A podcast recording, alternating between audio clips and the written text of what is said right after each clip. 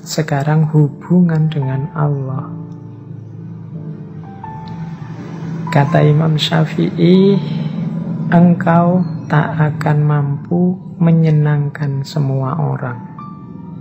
Karena itu, cukup bagimu memperbaiki hubunganmu dengan Allah, dan jangan terlalu peduli dengan penilaian manusia. Di antara yang sering menghalangi kita, yang sering menghambat kita saat melakukan yang baik dan yang benar adalah penilaian manusia. Loh, memperhatikan penilaian manusia boleh, tapi dia tidak boleh sebagai variabel yang dipentingkan melebihi yang lain, melebihi ridho Allah, melebihi kebenaran dan kebaikan itu sendiri. Kalau dalam bahasa nilai, pandangan manusia ini posisikan di level tersier. Kalau bahasa usul fikih mungkin ini levelnya tahsiniyat. Ada ndak apa-apa, ndak ada juga ndak masalah, jangan tergantung itu. Mungkin makomnya hanya makom kepantasan saja. Kalau kita melakukan yang baik dan yang benar, kok dipuji orang, kok orang menilainya juga baik, alhamdulillah. Tapi seandainya tidak dipuji sekalipun, bahkan dibenci, diiri orang, ya biar saja. Yang kita fokusi satu-satunya adalah ridho ridhonya Allah, hubungan kita dengan Allah. Katanya Imam Syafi'i, engkau tidak akan mampu menyenangkan semua orang.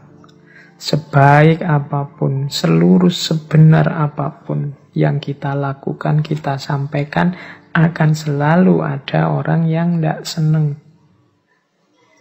Siapa yang punya channelnya YouTube, kalian merasa, ini loh yang saya sampaikan ini baik loh kok masih ada yang jempol ke bawah ya, kok masih ada yang tidak suka ya.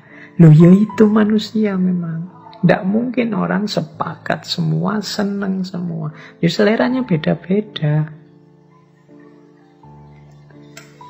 Jadi ya termasuk ngaji ini kan ya ada yang suka, ada yang tidak suka, ya itu manusia. Isinya mungkin ada yang menganggap penting, ada yang menganggap ala kayak gitu aja. Itulah manusia. Alhamdulillah kalau dapat bonus penilaian manusia yang baik. Tapi kalau tidak, tidak masalah. Yang harus kita permasalahkan adalah hubungan kita dengan Allah.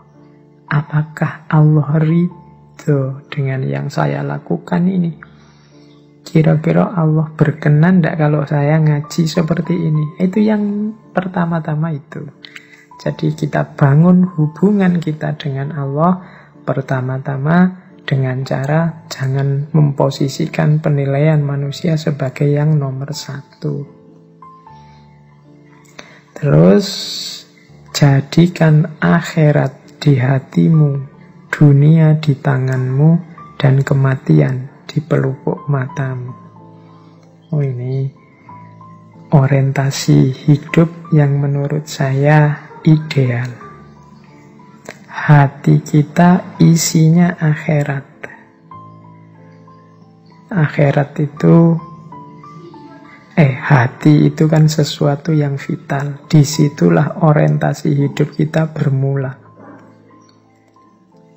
Ala inna fil jasadi mutuhoh itu kan kemarin kita kaji itu dalam tubuh itu ada satu gumpal daging yang kalau dia baik baik seluruhnya. Nah itu kan hati. Ini kalau hati ini isinya akhirat, ya berarti orientasinya ke atas, orientasinya vertikal. Pada yang ketuhanan, yang ilahi. Karena di sanalah letaknya hidup yang sejati. Maka sarannya Imam Syafi'i, akhirat letakkan di hatimu. Yang kedua apa? Dunia letakkan di tanganmu. Ya kita butuh hal-hal duniawi untuk menjalani hidup di dunia ini. harta, dan lain sebagainya. Cukup letakkan di tangan, jangan taruh di hati. Diletakkan di tangan itu ya kalau hilang ya tidak masalah nyari lagi. Kalau dicari, kalau diletakkan di hati hilang itu patah hati kita. Stres, depresi kita itu kalau diletakkan di hati maka dunia letakkanlah di tangan saja. Untuk mendukung usaha kita meletakkan akhirat di hati dan dunia di tangan, kematian taruh di pelupuk mata kita.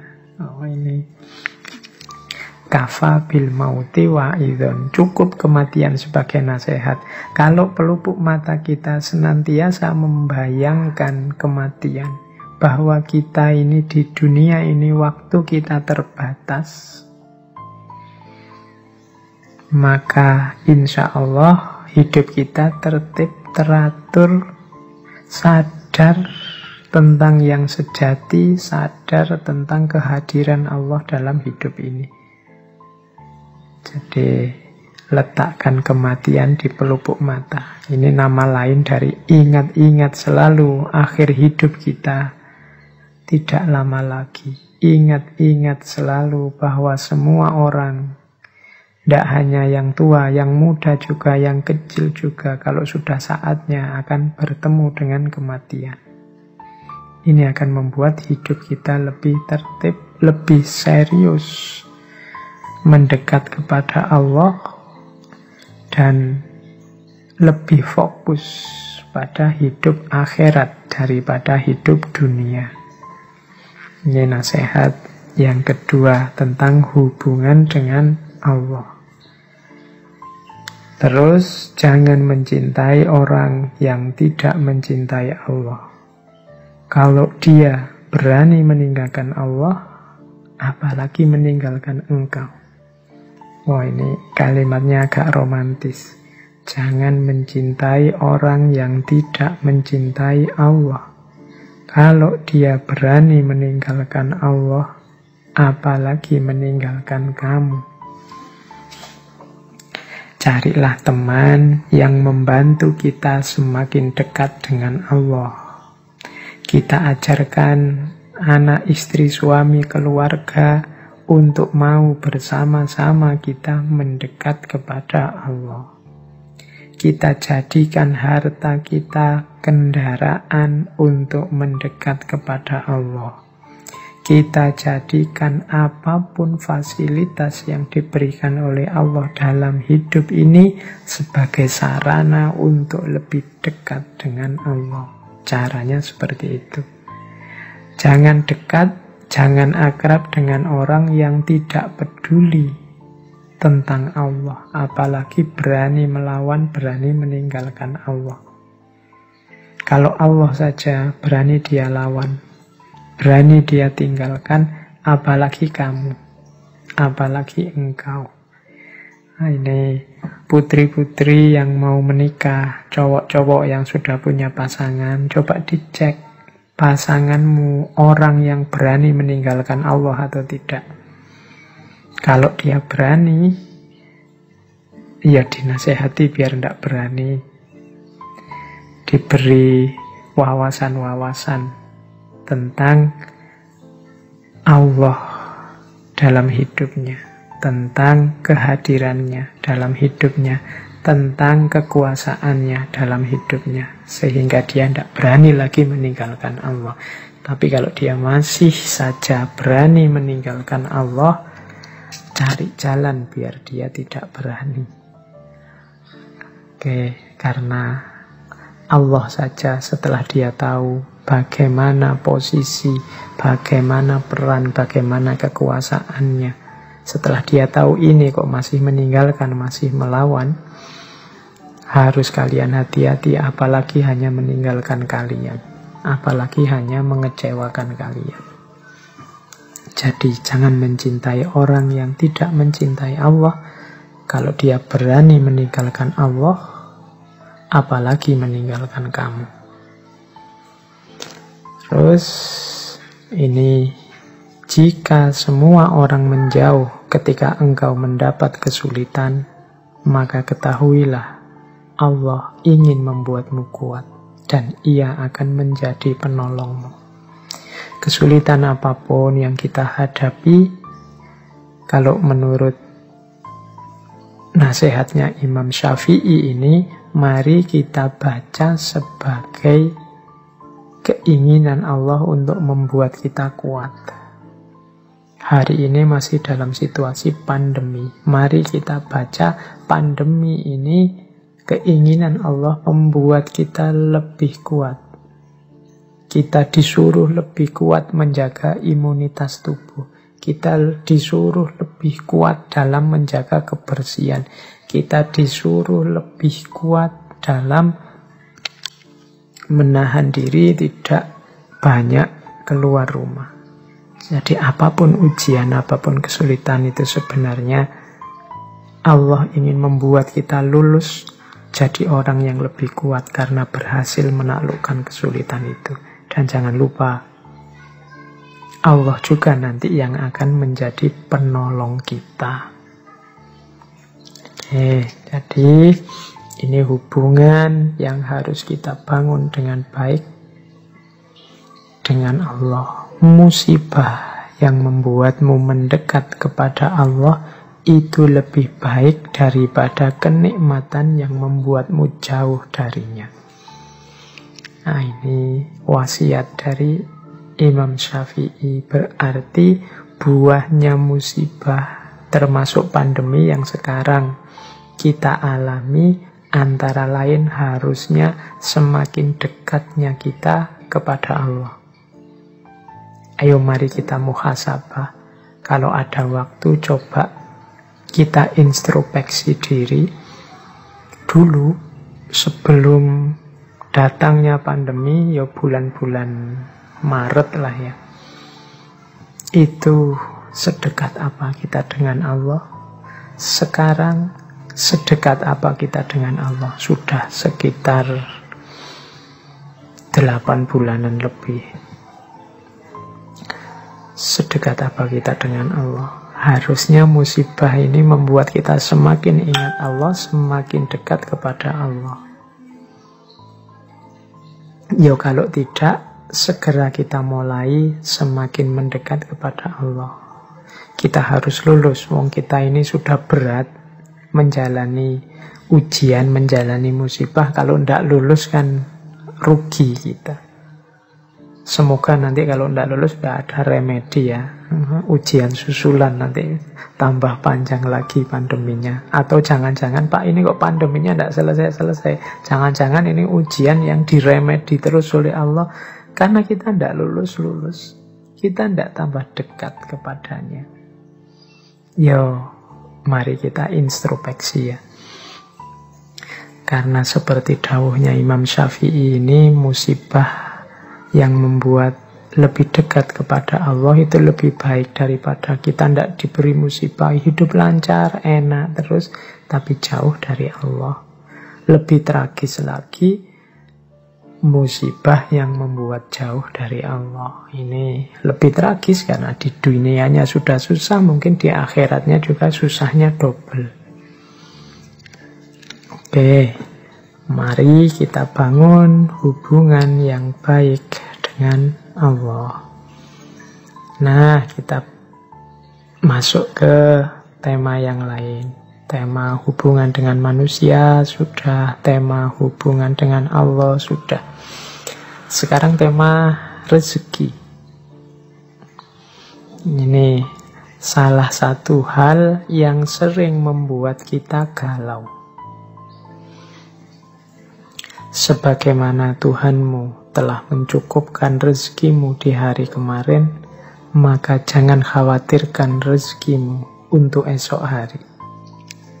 Ini kan sering membuat kita gelisah, apalagi teman-teman mahasiswa.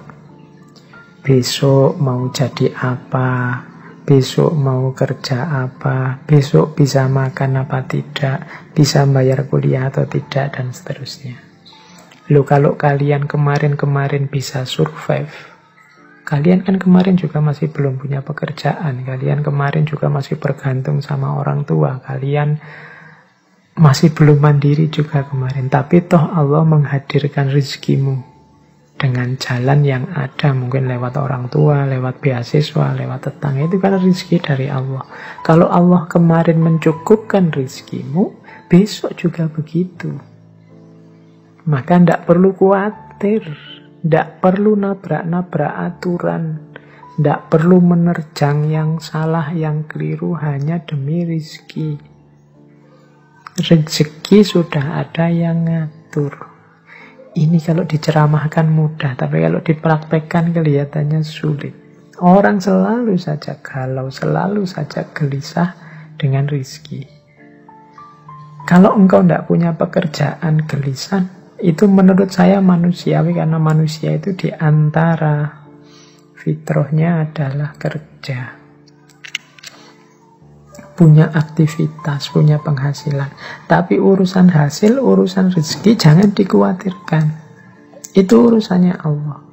Sebagaimana dawuhnya Imam Malik minggu lalu yang kita kutip bahwa lakukan saja sesuai bidangmu sebaik mungkin, sesuai yang harus kamu lakukan, tugas-tugasmu sebaik mungkin, urusan rizki kembalikan lagi pada Allah. Karena Allah yang mengatur. Allah yang mencukupkan. Ini sama maksudnya dengan kata-kata dari Imam Syafi'i ini. Itu saya bawa sebuah syair yang terkenal sekali. Ini nasihat agar kita tidak mencampur uang yang haram dengan yang halal. Ia kumpulkan yang haram dengan yang halal supaya menjadi banyak. Yang haram pun masuk ke dalam yang halal, lalu ia merusaknya. Oke, ini ada cerita di balik syair ini. Jadi satu ketika ada seseorang yang menghadap ke Imam Syafi'i. Orang ini mengeluhkan rizkinya tidak cukup. Satu bulan dia mendapat gaji 500 dirham. Tapi gaji sebesar ini rasanya sudah besar.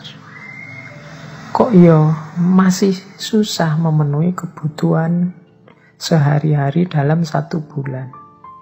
Orang ini mengadu pada Imam Syafi'i. Nah, nasihatnya Imam Syafi'i agak aneh. Katanya Imam Syafi'i, oke, okay, bulan depan kamu mintalah gajimu diturunkan menjadi 300, eh, 400 dirham saja. Nah ini aneh ya, orang merasa kekurangan kok gajinya tidak cukup malah diminta turun. Tapi karena yang meminta seorang ulama besar yang dekat dengan Allah ya dituruti. Minta penurunan gaji. Bulan depan gajinya jadi 400 dirham. Tapi tetap 400 dirham pun dia masih kesulitan, masih kekurangan menghadap lagi pada Imam Syafi'i. Terus katanya Imam Syafi'i, wah ini ada yang salah. Coba kamu minta turun lagi 300 dirham untuk bulan depan. Ini orang ini semakin heran, loh kok tambah turun? 500 rasanya kurang, 400 masih kurang, sekarang disuruh 300.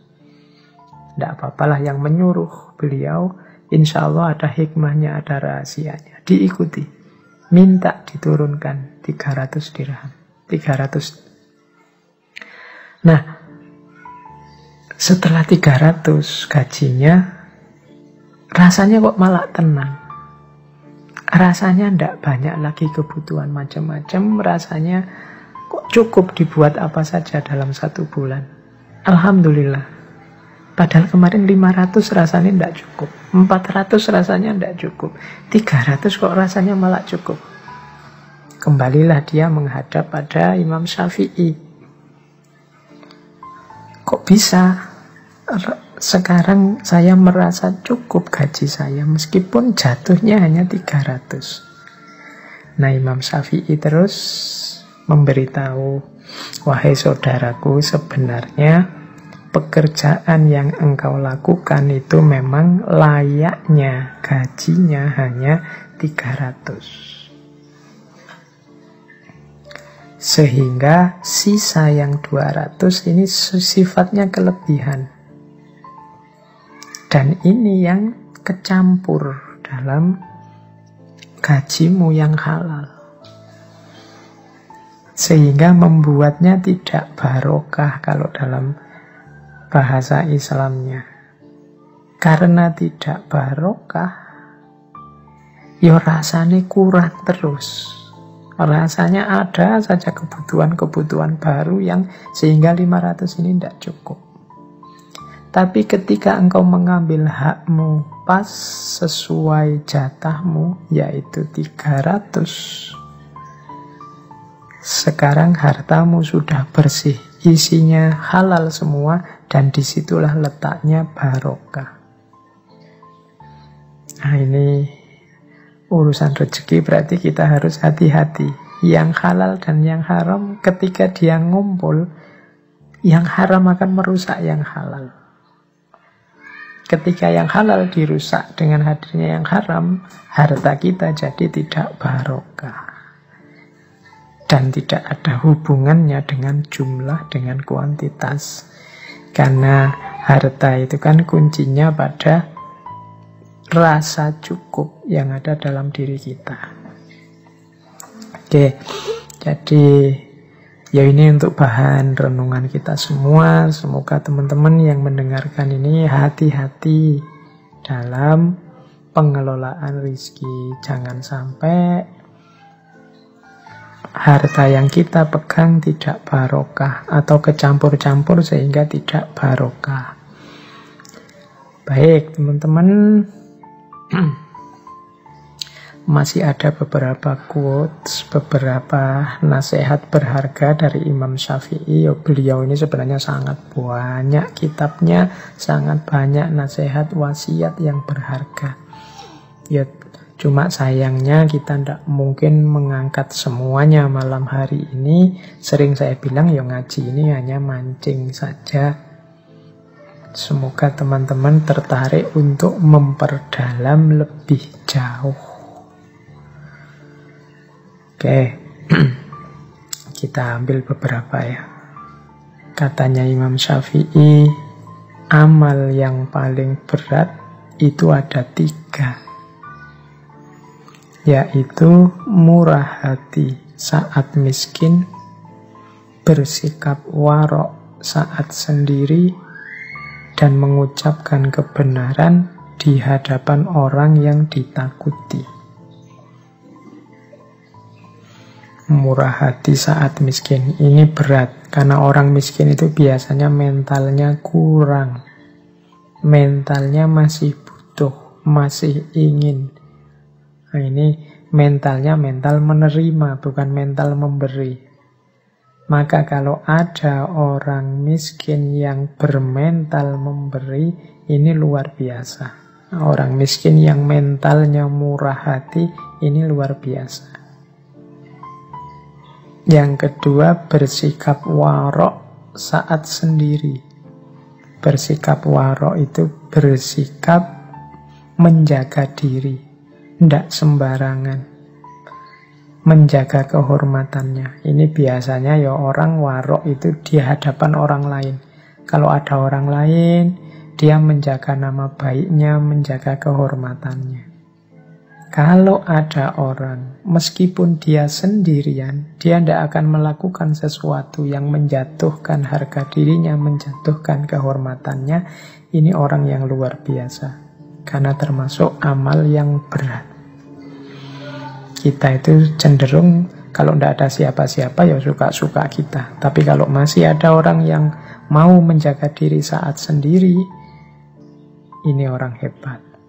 Dan yang terakhir, mengucapkan kebenaran di hadapan orang yang ditakuti. Nah, ini juga berat. Kalau ada orang yang kita takuti kan kita pinginnya minggir saja, tidak bersentuhan dengan dia. Tapi kok Orang ini saya takuti, tapi aku harus menyampaikan kebenaran padanya. Entah nanti apa resikonya. Orang yang berani semacam ini, ini orang yang hebat. Mengucapkan kebenaran di hadapan orang yang ditakuti. Mungkin nanti setelah ini aku akan dihukum, setelah ini aku akan disiksa, setelah ini aku akan menghadapi banyak kesulitan, kesakitan. Monggo lah, yang penting aku mengucapkan kebenaran. Nah, makanya ini orang hebat. Jadi mengucapkan kebenaran di hadapan orang yang ditakuti. Ya monggo teman-teman latihan, siapa tahu kita bisa masuk kualifikasi orang-orang hebat ini. Meskipun miskin, tidak punya apa-apa, tetap murah hati. Meskipun sendirian, tetap menjaga kehormatan. Meskipun di hadapan yang ditakuti, tetap menyampaikan kebenaran. Nah, ada lagi quote yang terakhir ya ini. Tidak ada yang dapat menggaruk kulitmu selain kukumu sendiri. Maka kerjakanlah urusanmu sendiri. Ya, yang saya sampaikan di atas dari awal sampai akhir ini tadi kan ideal-ideal. Mungkin beberapa di antaranya bisa menjadi solusi masalah-masalah kita hari ini. Tapi ideal ia akan hanya menjadi ideal kalau kita tidak menjalankannya. Problem kita tetap akan jadi problem kalau kita tidak mencoba menyelesaikannya. Yo kita sendiri, wong problem kita. Kalau kita gatel kan kita garuk dengan kuku kita sendiri, dengan jari kita sendiri. Maka Ayo kita kerjakan urusan kita. Ayo kita kerjakan, kita selesaikan masalah kita. Kita sendiri, tidak usah nunggu orang lain. Kadang-kadang kita itu hal yang bisa kita selesaikan sendiri, kita lebih suka menunggu orang lain menyelesaikannya. Kita lebih suka menyuruh orang, kita lebih suka menunggu orang, kita lebih suka kadang-kadang menunggu mood, kita lebih suka kadang-kadang menunggu situasi, kadang-kadang lebih suka. Akhirnya kerjaan-kerjaan kita semuanya terpending, semuanya keteteran. Nah ini menurut saya quotes dari Imam Syafi'i ini bisa kita pakai. Tidak ada yang dapat menggaruk kulit kita selain kuku kita sendiri, jangan menunggu digarukkan orang lain. Kalau orang lain yang menggaruk, mungkin gatelnya hilang, tapi karena dia tidak perhitungan jadinya lecet. Atau mungkin karena dia takut kita lecet, akhirnya gatelnya tidak hilang, cuma dilus-lus saja. Yo yang paling ngerti masalah kita itu ya kita sendiri. Jadi tidak ada yang dapat menggaruk kulitmu selain kukumu sendiri. Nah, yang terakhir untuk penutup ini ada kalimat. Kalimat ini tertulis di cincinnya Imam Syafi'i yang beliau pakai di jari kiri. Kalimatnya bunyinya ini kafa billahi fikotan li Muhammad bin Idris. Artinya cukuplah Allah sebagai pegangan. Cukuplah Allah sebagai sandaran yang dipercaya oleh Muhammad bin Idris. Nah ini dibawa ke mana-mana oleh Imam Syafi'i mungkin untuk mengingatkan beliau bahwa hidup ini pada akhirnya kunci utamanya adalah keimanan kita, kepercayaan kita kepada Allah.